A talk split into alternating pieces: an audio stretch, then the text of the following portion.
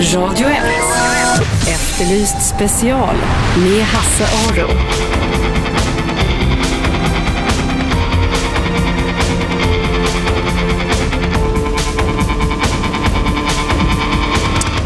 Efterlyst special Radio 1. Jag heter Hasse Aro välkomna hit. Ja, igår kväll eller i natt så brann alltså bocken i Gävle igen som vi hörde på, ny, eh, på nyheterna här. Det var 23.56 som larmet kom. Den här bocken eh, den sattes upp för första gången 1966 och brann redan då. Sedan dess har den brunnit 27 gånger. Den har blivit saboterad tre gånger, den har blivit påkörd en gång och stulen en gång faktiskt 1973. Eh, jag pratade tidigare idag med eh, Mikael Hedström som är presstalesman på polisen i Gävle och så här sa han om gårdagens händelser när bocken alltså brann. Ja, det var som så då igår kväll den 12 december klockan 23.58 så kommer det in samtal då till polisens ledningscentral om att bocken brinner. Och eh, patruller var där ganska snabbt men eh, det här gick väldigt fort. Man hade ju varit där på dagen från räddningstjänsten i Gävle kommun då och eh, sprutat vatten på bocken men tyvärr, det hjälpte inte. Eh, Man hade besprutat den för att det skulle bli is på den. Ja, man hade lagt eh, ett eh, lager med vatten på det som frös till ganska snabbt. Men tyvärr, det hjälpte inte. Eh, vad jag förstår så har hela händelsen filmats med övervakningskameror. Ja, det har ju filmats eh, och det har gjorts med en webbkamera har jag förstått det som. Och eh, det finns ju inget, det här har ju varit diskussioner i många år då, om man har tillstånd för de här kamerorna eller inte. Men webbkamera, det har man filmat med och det är väl någon som har fångat upp det här då direkt när det händer och spelat in det själv och sen lagt ut det, vad jag förstår, i sociala medier. Mm. Eh, är det bra eh, bilder? Är det, är det som spår betraktat, är det bra? Ja, man, man, man skulle titta igenom det här materialet i varje fall eh, på förmiddagen här och eh, granska dem. Men eh, jag kan inte säga hur bra kvaliteten är på för jag har inte själv hunnit titta på dem. Utan man skulle titta igenom det en grupp om man skulle kunna gå vidare på det här. Men det fanns ju uppgifter om att det var fler än en person där i varje fall. Och vi har väl förhoppning om att vi kanske kan få lite klarhet i det här. Den här bocken brinner ju nästan varje år. Vad jag förstår så 2010 var ett år då den inte brann. Ja, nu har inte jag statistiken helt klart för mig utan det, det vanliga är att den brinner väldigt ofta. Det är väl få gånger, om, om vi har tre eller fyra gånger han inte har brunnit och om det var 2010 sista gången, det törs inte jag bekräfta riktigt nu. Men ärligt talat Mikael, vilken prioritet har det här? Alltså den här bocken, alla och jag kan svara för mig själv, vi tycker om bocken. Den är vacker och i år var han så himla vacker. Det var snö och allting. Så det är beklämmande att han inte kan få stå i fred någon gång och verkligen få sprida glädje över julen. Så det är lite tråkigt. Samtidigt har ju bocken gjort Gävle världsberömt. Ja, och det tror jag han hade gjort i vilket fall som helst. Men visst har det blivit som så att de här bränderna har fått en uppmärksamhet. Men nu har vi lika mycket uppmärksamhet när den får stå kvar. För nu vill alla i hela världen följa den här bocken hur det går för. Eh, är det någon som någonsin har blivit dömd för att ha tänt eld på bocken? Ja, vi har ett antal eh, domar mot personer och eh, den senaste det var ju mot en utländsk medborgare, en amerikan som trodde att eh, han uppfattade som att det hörde till vanligheten att man ska tända eld på och han fick då ett skadestånd på sig. Men han hade ju lite rätt faktiskt. Ja, det, det blev lite speciell händelse det där och det blev mycket diskussioner kring han. Men som sagt var, jag tror att vi är uppe i tre till fyra personer som har fällts för brottet. Är ni intresserade av tips från allmänheten? Naturligtvis. Alla tips är vi tacksamma för om vi kan få in och det vill vi ha på 114 14 och att man anger att det är bockbranden i Gävle. Okej, då så. Tack så mycket för att jag fick ringa. Tack så mycket. Tack. Hej då. God jul. Ja, detsamma. Tack, hej.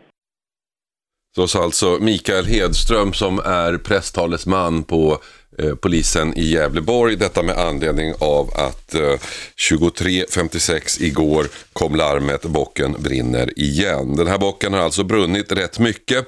Eh, den sattes upp första gången 1966 på initiativ av någon lokal affärsman. Och den brann redan då. 1966. Sen dess har den blivit nedbränd 27 gånger den här eh, bocken. Den har saboterats tre gånger. Den har körts på en gång och 1973 blev den faktiskt stulen. Eh, så att den här bocken har verkligen haft otur och varje gång så eh, är polisen upprörd och kommunen är upprörd. Men frågan är, ska de verkligen vara det? Eh, jag vet inte hur ni har det där hemma, men kan ni nämna någon annan juldekoration som inte är i er hemstad, men som tillhör någon annan stad? Nej, den enda man känner till är ju faktiskt bocken i Gävle. Och det beror inte på att den är vacker, vilket den kanske är. Det beror ju på att den brinner. Niklas Olofsson är PR-expert på byrån Passion Lab. Lab. Passion Lab. Eh, Niklas, eh, vad betyder det här för Gävle att den brinner? Ja, herregud, det är ovärderligt. Eh, själva branden är ju det som skapar varumärket eh, Gävlebocken och det skulle jag bedöma är värt hundratals miljoner kronor i PR-värde för Gävle. Mm. Det är en fantastisk följetong att följa varje år i media och den sprider sig över hela världen. Det är en varumärkessymbol för hela Gävle. Och därför tycker jag det är kul, det är kul att höra att, att man så bestämt vill stoppa den här branden varje år. Och det är ju en, det är ett slags spel som pågår mellan allmänheten och myndigheterna här. Och jag undrar om man på, på allvar verkligen vill stoppa branden eller om, om det är bara en charad som man själv eh, ställer upp på. För skulle man inte vilja stoppa det, åtminstone utåt, så skulle ju inte det vara lika spännande heller att bränna ner den. Och då skulle ju hela storyn falla. Ja, men det är ju där man blir lite misstänksam, därför att den har ju som sagt var brunnit 27 gånger. Och någon gång under resans eh, gång så måste ju även de lokala ansvariga inse värdet i detta. Ja, man kan tycka det. Men samtidigt så, så måste man ju fortsätta göra det svårt för, för gärningsmännen att lyckas med det här. Så att återigen, då skulle ju hela storyn eh, gå om intet om man inte gjorde det. Jag tycker till och med att man kanske skulle göra det ännu svårare. Man kanske skulle sätta upp någon slags labyrint eller hinderbana eller massa av utmaningar för att ta sig fram till, till bocken. Så att det blir en riktigt en, en kamp där bästa man eller kvinna lyckas. Va? Det skulle vara fantastiskt roligt att följa det. Vi hörde ju här eh, Mikael berättade att det var en amerikan som eh, hade kommit hit för att bränna brocken för att han trodde att det var någon slags jultradition. Och det hade han ju rätt i. Ja, verkligen. Han hade ju helt rätt i det. Och det får mig lite osökt att tänka på, eh, på Storsjödjuret uppe i Jämtland som jag hade förmånen att vara inblandad i för några år sedan. Mm. Ett projekt där man satte ner kameror från en lokal, en lokal organisation för att försöka bevisa att Storsjödjuret fanns. Och då ställer man sig lite så här stilla frågan om vad händer om man bevisar att Storsjöodjuret faktiskt finns? Då vill man ju så att säga ta upp det på land och då försvinner hela myten. Och det är samma sak här med Gävlebocken att, att om den inte brinner då blir det helt ointressant. Så någonstans så måste ju hela den här äh, magin och storyn får fortleva. Jag tror inte att alls är som äh, den kära prästavelsmannen här påpekar att den skulle vara lika intressant. Om, ja, kanske vid återkommande tillfällen att den faktiskt står kvar kan vara intressant för PR-värdet. Men, men den måste ju brinna eh, minst lika ofta som den står kvar. Och det är snart 50-årsjubileum för, för bocken och då kan man ju fundera på om man inte ska ta och göra just då någon slags extra extra svår utmaning att faktiskt bränna ner den. Mm. Det finns ju en trend inom marknadsföring som heter storytelling. Det vill säga att man, man säljer saker och ting, hotell, restauranger eller vad som helst med en historia bakom. Att, man, att det, det är mer än bara en produkt eller en vara eller en tjänst. Det, det finns, och så finns det äkta sådana här förstås. Va? Men det här är väl väldigt, ett väldigt bra exempel på storytelling.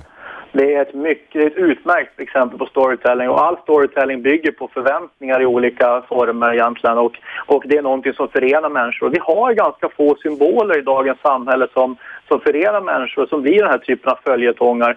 Så att det här är ju helt fantastiskt att som kommun, alla kommuner letar efter den här uh, unika typen av stories. Jag, jag har sett många kommuner som hittar på de mest bisarra slogans man kan komma på eller hittar unika aspekter på att vi har den högsta, största älg, eh, älg, eh, älgen i, i liksom norra Europa eller vad det kan vara eh, som vi har byggt upp. Och det här är ju någonting som är naturligt och som har skapats av folket och som engagerar folket och därför är ju ja, det är helt ovärderligt för Gävle. Eh, ni lyssnar på Efterlyst special. Vi pratar om Gävlebocken som brann i natt igen. Eh, den ni hör är Niklas Olofsson som är PR-expert på Passion Lab. Vi pratar om PR-värdet för den här eh, bocken. Eh, hundratals miljoner kronor sa Niklas att det är värt. Om, om Gävle kommun nu skulle anlita dig Niklas för att säga att vi, vi, vi, skulle vilja, vi skulle vilja utnyttja det här mer. Vad skulle du då ge dem för råd? Eh, jag skulle ge rådet att, att fortsätta med den här, med den här liksom ovissheten om... Eh, jag, jag, tror att man faktiskt vill stoppa eh, förövarna men jag skulle, jag skulle nästan ha en större bit humor från kommunens sida och från myndigheternas sida. Och, men jag skulle fortsätta låta allmänheten tro att man verkligen vill stoppa det och jag skulle göra det lite svårare jag skulle kanske eh, göra lite utmaningar på vägen eller liknande och jag skulle bygga storyn ännu, ännu hårdare. Och vissa år skulle jag faktiskt göra allt jag kunde för att stoppa det så att det mm. då och då lyckades. Men jag skulle, jag skulle värna om den här grejen och kanske också kommunicera den ännu hårdare eh, utanför Sveriges gränser. Ja, för att det är väl lika viktigt att den överlever ibland som att eh, den brinner ner? Precis, för det är ju det som är utmaningen. Blir det för lätt att bränna ner den så det ska, den ska ju stå kvar helst så länge som möjligt. Så man kan ju tänka på att om man skulle göra nästan till omöjligt att bränna ner den i början och sen lite, lite diskret släppa på säkerheten mm. utan att det märks när man närmar sig jul. Det skulle ju vara det absolut bästa om den brinner dagen innan julafton eller något i den stilen. Det är ju, då har man ju lyckats verkligen. Alltså man undrar ju någonstans om inte det som redan sker, att, man, att det finns någon slags plan på kommunen för, för att underlätta bränningen, i alla fall eh, om den har stått några år. Mm.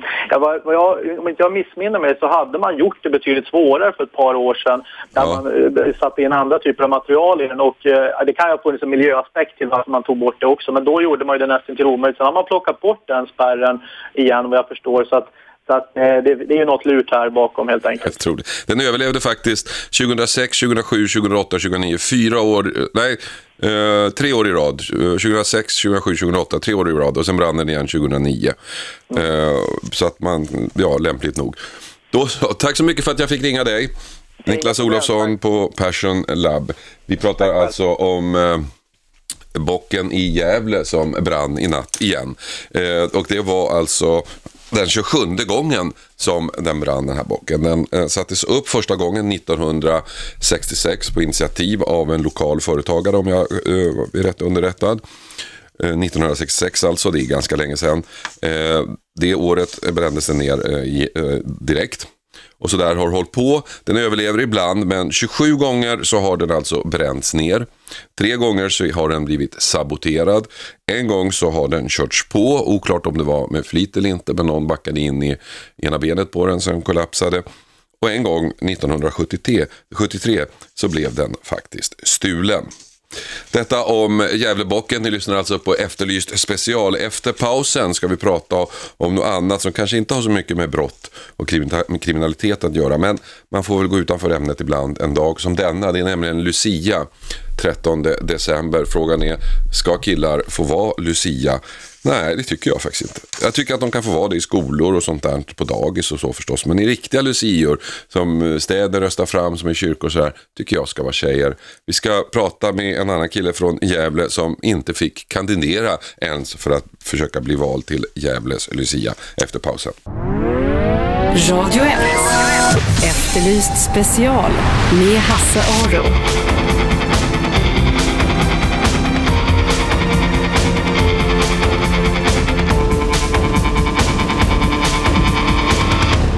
Välkomna tillbaka till Efterlyst special. Det är den 13 december idag, Lucia, och vi ska prata om Lucia. Eh, ska killar få vara Lucia? Nej, det tycker inte jag. Jag tycker att i skolor, dagis och sådär får man göra som man vill. Men på offentliga, de offentliga luciorna, de som är i kyrkor, de som representerar städer, tycker jag faktiskt ska vara tjejer. Kalla mig mossig, kalla mig gubbe, men jag tycker att eh, Lucia ska vara en tjej. Vi ska prata om det här och jag vill höra vad ni tycker. Vi ska träffa en kille som heter Per Rydqvist, ståuppare, som ville kandidera till Lucia i Gävle men inte fick ställa upp. Vi ska göra det om en, en liten stund. Jag ska bara dra lite lite bakgrunden kanske på Lucia. Hon, det är ju ett katolskt helgon som föddes i Syrakusa på Sicilien omkring år 238. Och redan som liten så kände hon sig speciell och angav, avlade ett kyskhetslöfte till Gud. Vilket blev ett problem sen senare när hennes mamma lovade bort henne till en man. Lucia bad då Gud om hjälp och han gjorde, eller hur det nu gick till, i alla fall så blev mamman sjuk i blödarsjuka. Lucia tog med sig mamman, vallfärdade till helgonet Agatas grav för att be om tillfrisknande. Väl framme så uppenbarade sig helgonet själv för Lucia och sa till Lucia att det var hon som hade botat mamman genom sin tro. Eh, hon, Lucia behövde ingen hjälp från något annat helgon. Ja, mamman blev frisk och befriade Lucia från löftet att eh, lova bort henne till en man. Men friaren blev sur, anmälde henne till ståthållaren Diocletanius, känd för sina hårda nypor mot kristna. Han arresterade Lucia, hon torterades och dömdes att bli prostituerad på en bordell.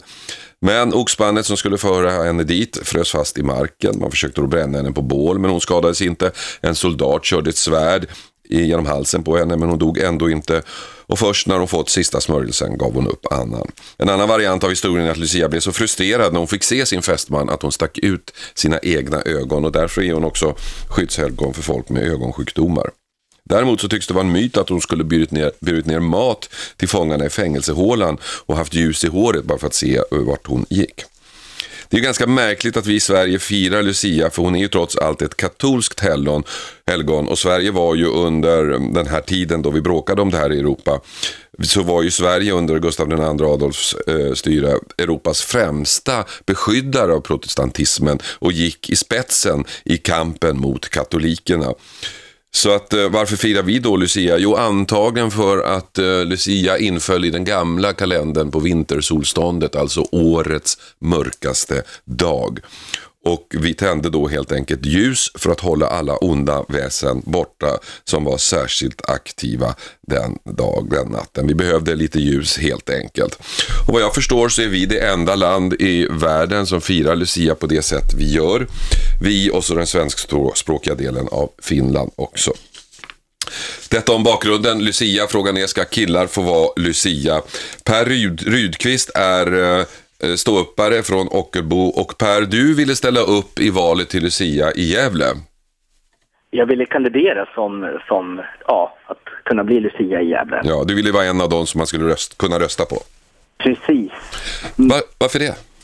Eh, ja, jag kände mig väldigt Lucia-aktig. Och jag kände att det här skulle ge Gävle en enorm, vad ska man säga, Gävle skulle bli sett på ett eh, vis mer, ungefär som Bocken, att det skulle bli känt i kanske hela Sverige i alla fall. Mm. Och sätta Gävle på kartan väldigt mycket. Mm. Plus att det hade varit väldigt uh, roligt med en manlig lucia. Jag tror tjejer och kvinnor och damer hade uppskattat det oerhört mycket. Vad fick du för reaktioner? Eh, reaktionen var att det var locket på. Jaha, hur då? Jag fick inte ens ett mejl om att jag ej fick medverka utan jag ringde och frågade själv varför jag ej hade fått det. Mm. Man skulle få det ett ja eller ett nej, så att ja. mail. Och det var bara för att eh, underförstått att män får inte eh, ja, vara med och kandidera. Mm. Eller killar. Mm. Och frågan var, ja det är för att män är inte lika vackra och fina det, mm. som kvinnor. Det är inte lika roligt för män att titta på. Var det argumentet du fick? Det var argumentet jag fick. Jag har fem argument varför jag tycker riktiga lucier ska vara tjejer. Jag lyssnar. Vi kör. Nummer ett, den riktiga Lucian, eh, alltså hon från Syrakusa, hon var ju faktiskt tjej. Eh, två, det har alltid varit så. Lucia är tjejer och ibland kan det finnas anledning att faktiskt hålla på traditionerna. Eh, nummer tre, att vi kan respektera att det faktiskt finns ett område som är vikt för tjejer som vi män inte behöver klampa in på.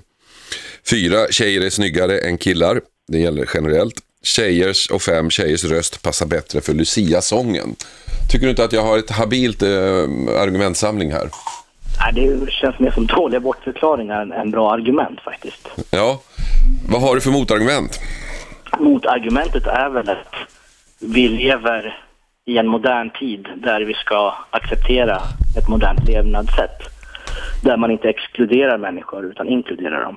Mm. Eh, Men du fick alltså inte ens vara med att kandidera. Jag menar, man skulle kanske tänka sig att du fick vara med och kandidera och sen så eh, kunde folk låta bli att rösta på det. Men Ja, du fick inte ens komma så långt. Nej. Kan, jag vet ju att i skolor där man eh, har eh, sådana här Lucia-val och killar ställer upp, då, då vinner de ju alltid. Men det kan man väl se så kanske som en ungdomlig protest. Att det är, typ, det är klart att killen ska vinna. Ja, jo absolut, det kan det vara. Men det, det som är läskigt, eller man blir orolig av att se också, det är att jag vet inte, men om du har så, någon gång har sett en synskadad Lucia till exempel med vit käpp Nej, eller en eh, överviktig Lucia. Det är väldigt liksom stereotypiskt. ja. Du menar att Lucia, alltså att Lucia är någon slags eh, förtäckt skönhetstävling? Ja, precis. Det, det är min personliga, vad jag, vad jag tror och tycker. Mm. Sen om det är så, det är väl med vi landet Lucia är ett känsligt ämne, det vet man i alla fall. Jag, jag har ju barn i alla möjliga åldrar och jag, nu är det ju så att alla får vara vad de vill på, på dagis och skolor. Men förut var det ju inte så. När jag var liten så var det ju, då valdes en Lucia i klassen, eller valdes, hon, man pekade ut den blonda snygga tjejen så fick hon bli Lucia. Och så fick eh, de andra tjejerna vara tärnor, vi killar fick vara eh, stjärngossar eller tomtar. Eh, så på det sättet tycker jag att du har en poäng. Vi ska prata vidare om det här. Är det okej för killar att bli eh, um, Lucia? Är det att bryta ny mark för jämställdheten eller är det bara fjantigt? Ring in eh, till mig 0200 11 12 13 och säg vad du tycker. Med på telefon finns också Per Rydqvist som är ståuppare från Ockelbo och som inte fick kandidera till Gävles Lucia en gång. 0200 11 12 13 är telefonnumret hit. Eh, Vi ska ta lite reklam nu och så fortsätter vi debatten efter pausen. Men jag kommer att ta samtal under reklamen så ring bara 0200 11 12 13. Radio 1. Efterlyst special med Hasse Aro.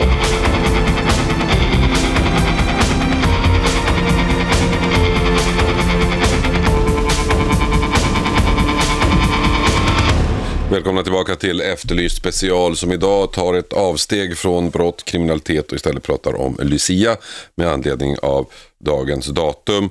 Eh, vi har med oss Per Rudqvist på telefon, ståuppare från Ockelbo som ställde upp, eh, som ville ställa upp och kandidera till att bli Lucia i Gävle, i Gävles officiella Lucia. Och Per, du fick inte ens något svar på varför du inte fick ställa upp. Det stämmer. Vad tycker ni som lyssnar? Ring in 0200 11 12 13. 0200 11 12 13.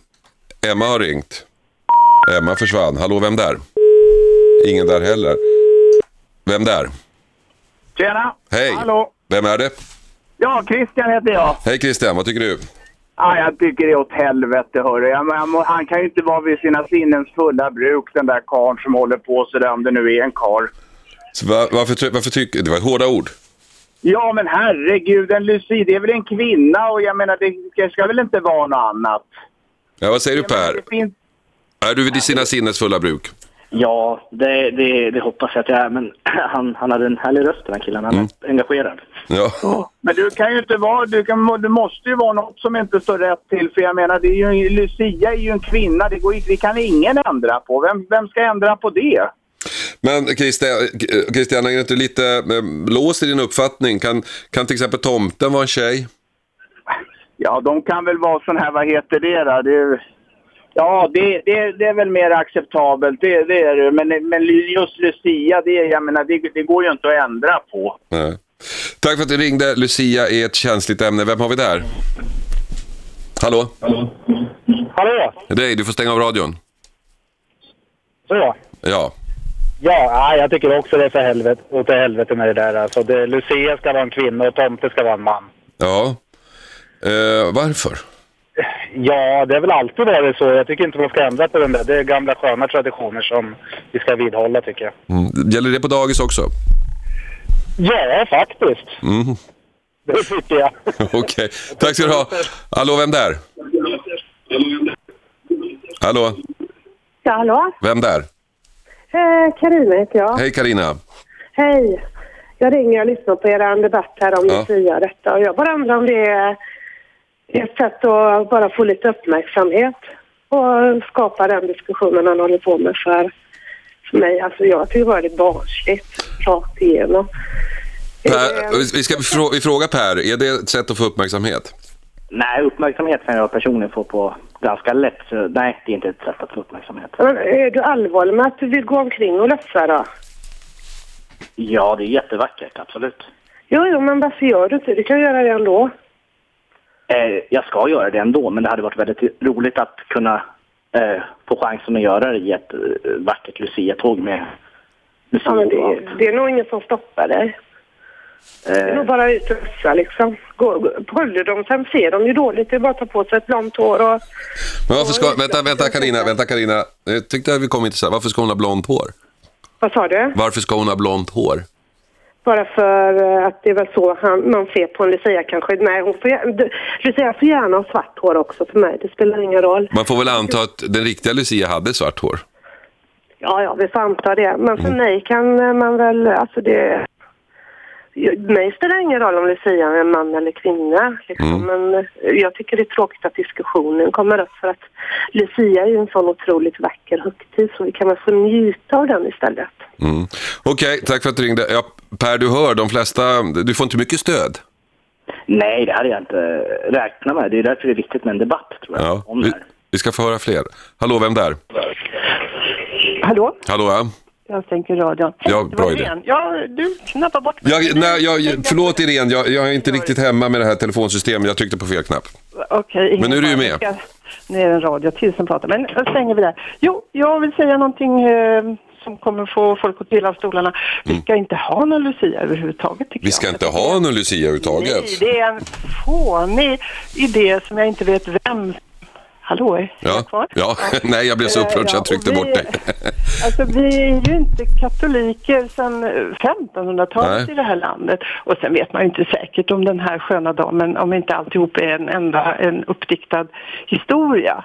Vad, Just vad det här- har med det att göra fattar jag. Just det här med att hon skulle ha burit ner mat till fängelsehåren och satt ljus i håret för att ha händerna fria för brickan.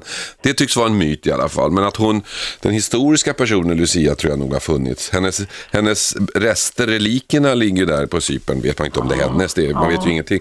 Men hörru du, alltså, jag, det är som du säger, det är ett, det är ett katolskt helgon. Men jag kan tänka mig anledningen till att vi gör det, och det är bara vi som gör det och, och finlandssvenskarna, är väl att det är... lite? Ja. Ja, men det är ju på årets mörkaste dag. Är det inte lite men man- vackert med ljus på årets mörkaste dag? Jo, vi ska tända ljus och vi ska tända eldar och vi kanske går med facklor och vi kanske tänder eldar ute i snön och vi kan sjunga och vi kan dricka glögg. Men inte den här nattlinnedagen, det är pinsamt tycker jag. Jag tycker vi tar bort den. Ja, per, vad tycker du? Per som alltså inte fick ställa upp eh, som kandidat för Lucia i Gävle. Vad säger du om det? Lägga ner Lucia? Ja, det blir inte lika mycket nattlinnedam om en kille får vara Lucia också. Nej. Hur hade du tänkt vara klädd då, Per? Eh, ja, ganska lik, liknande Lucian är, Mm. så att säga. Ja, som en traditionell Lucia, bara att jag har snopp istället för vagina. Det är väl skillnaden. Ja, men det kanske inte skulle man se, kanske man inte skulle se då. Nej, precis. Nej. Jag kan vara slätrakad i ansiktet. Ja, tack så mycket Irene. Eh, ja, vi har alltså hittills, eh, Per, de som har ringt, så Irene tycker man ska lägga ner Lucia, alla andra tycker att du gör fel. Se om det är någon här som tycker att det funkar med manliga Lucior. Hallå, vem där? Hej, Micke heter jag. Hej Micke, vad tycker du? Jag tror, jag tror det blir svårt att hitta någon som håller med honom överhuvudtaget. Ja, det verkar så. och, och med den utgångspunkten så tycker jag också att eh, ehm, eh, hans inställning där då att eh, det, du sa vid ett tillfälle att det inte är många som ger stöd för dina åsikter och han säger att ja, men därför ska vi ha en debatt. Och jag tänker varför ska vi ha den deba- debatten om 99 procent tycker tvärtom? Mm, fast det, där kan jag ju hålla med Per att det är många av de stora frågorna som vi diskuterar, ja, kvinnlig rösträtt till exempel tror jag var, de flesta var emot när frågan ens för första gången kom upp. Man tyckte nog det bara var töntigt. Så att, där tycker jag nog Per har en poäng. Att en debatt ska ju föras, en, en bra debatt börjar ju med att nästan ingen håller med. Ja, i och för sig. Men, eh, ja, nej. Men, eh, men annars så tycker jag nej. Eh, låt Lucia få vara Lucia. Eh, Okej. annars blir det ju nästan som att vi hånar henne om en man ska stå... Jag vet inte, det känns fel. Och sen eh, tycker jag det är viktigt att vi håller i traditioner. Om, eh, när vi ändå har traditioner som är fina och vackra och sådär, så varför inte ha dem som de är? Och så, ja, men där kan jag hålla med dig, för, speciellt en sån märklig tradition som det här är, som egentligen inte har bottnar i någonting. Precis. Ja, som julen till exempel. Jultomten blandat med lite religion och sen ska vi fira med en dödssynd och, och, och, och trycka i oss massor med. Så, Men, men det är ju, traditionen i sig är ju vacker och det har ju ändå ett budskap. Och, Tack för att du, tack för att du ringde. Vem har vi där? Ja, tjena, Svenne Pelle här. Hej. Eh, jag tycker att det är helt rätt alltså. Det är, alla ska få vara vid Lucia liksom. Så att det, för, för övrigt tycker jag att det är jävligt larvigt hela grejen. Så att, eh, varför inte? Eh, Du men- tycker att Lucia är larvig? Ja, hela... Eller julen, eller? Nej, Lucia. Det, det känns som ett jippo. Det är helt oväsentligt egentligen. Mm. Så att eh, jag tycker då, då ska alla kunna vara det. Unga som gamla och ja, könsneutralt liksom. Alla. I Pers fall så var det ju så att han fick ju inte ens kandidera. Ja, jag tycker det är dåligt alltså. Det är riktigt uselt. Per, där fick du ett medhåll. Ja, det är en klok man.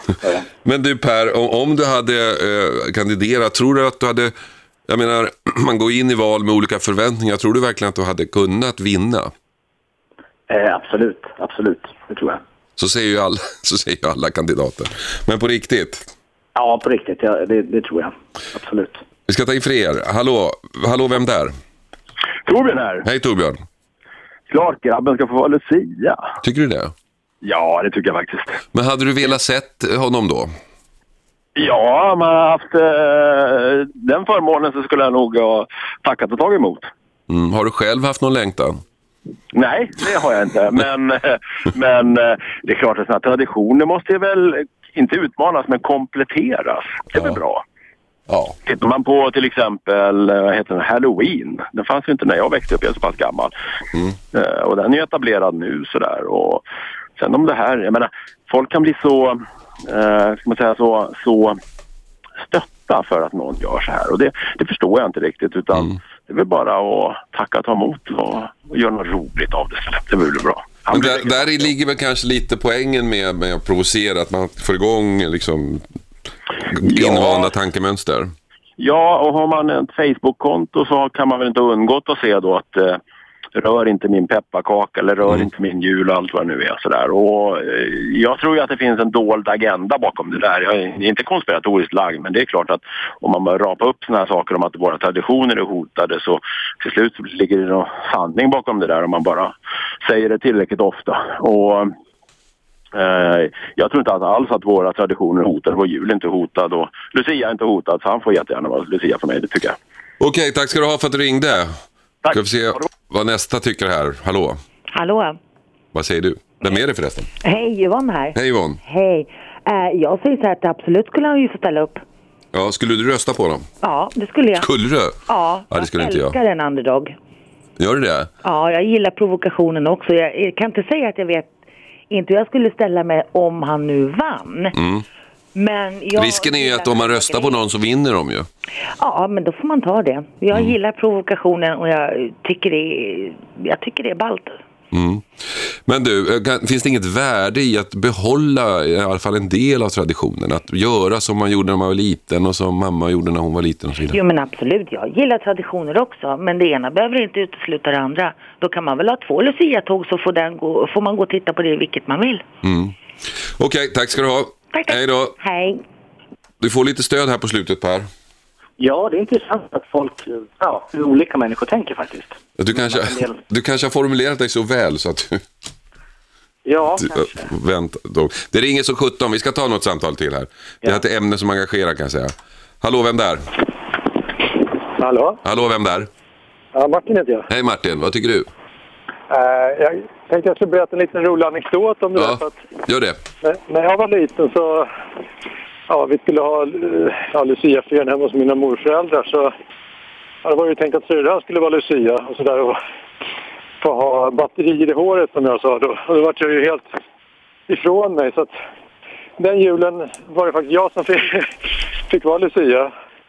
Men eh, som, ja, jag var inte gammal då, jag kan ha varit sju, åtta år någonting. Men eh, det är väl ungefär på den nivån jag tycker det ska vara. Mm. Det är inte, inte direkt att man ska, ja, i mer offentliga sammanhang kanske. Men som sagt, egentligen som en del har sagt här, det är rätt, ja, det är en, Lucia hör väl kanske inte riktigt hemma i våran, eh, jag vet inte, med julfirande och sådär. Mm. Men du, när du själv var Lucia, det, det här var ju länge sedan, men det är tydligen en upplevelse du har burit med dig. Ja, det, det där talas ju om i släkten liksom. Att, att det där med batterierna i håret liksom. Det var, jag är liksom el, jag är, vad ska man säga, teknikintresserad och det är fortfarande, och det var det som styrde så att säga. Mm. Okej, tack för att du ringde. Eh, därmed så är klockan så mycket så jag tror att vi sätter punkt för Lucia-debatten. Per, hur ska, hur ska du fira Lucia nu då när du inte fick vara med och kandidera i Gävle? Eh, jag ska försöka gå ut här i Ockelbo utklädd som Lucia tänkte jag, med mina barn och min fru. Ja, men du har lite otur när du ska sätta saker på kartan. Gävle sitter redan på kartan för bocken, Ockelbo sitter ju på kartan av andra skäl. Precis. Du är tvåa på bollen. ja, precis. Det sant. Men, men eh, eh, Daniel är värd att vara etta på bollen där. Ja. Du, eh, tack för att, du, att vi fick ringa dig. Lycka till med dagens Lucia-firande och god jul på dig. Eh, d- Eh, vi, ni lyssnar alltså på Efterlyst special. Vi har pratat lite om Lucia. Ehm, nu är det dags för reklam. Vi fortsätter programmet efter pausen. Radio 1. Efterlyst special med Hasse Aro.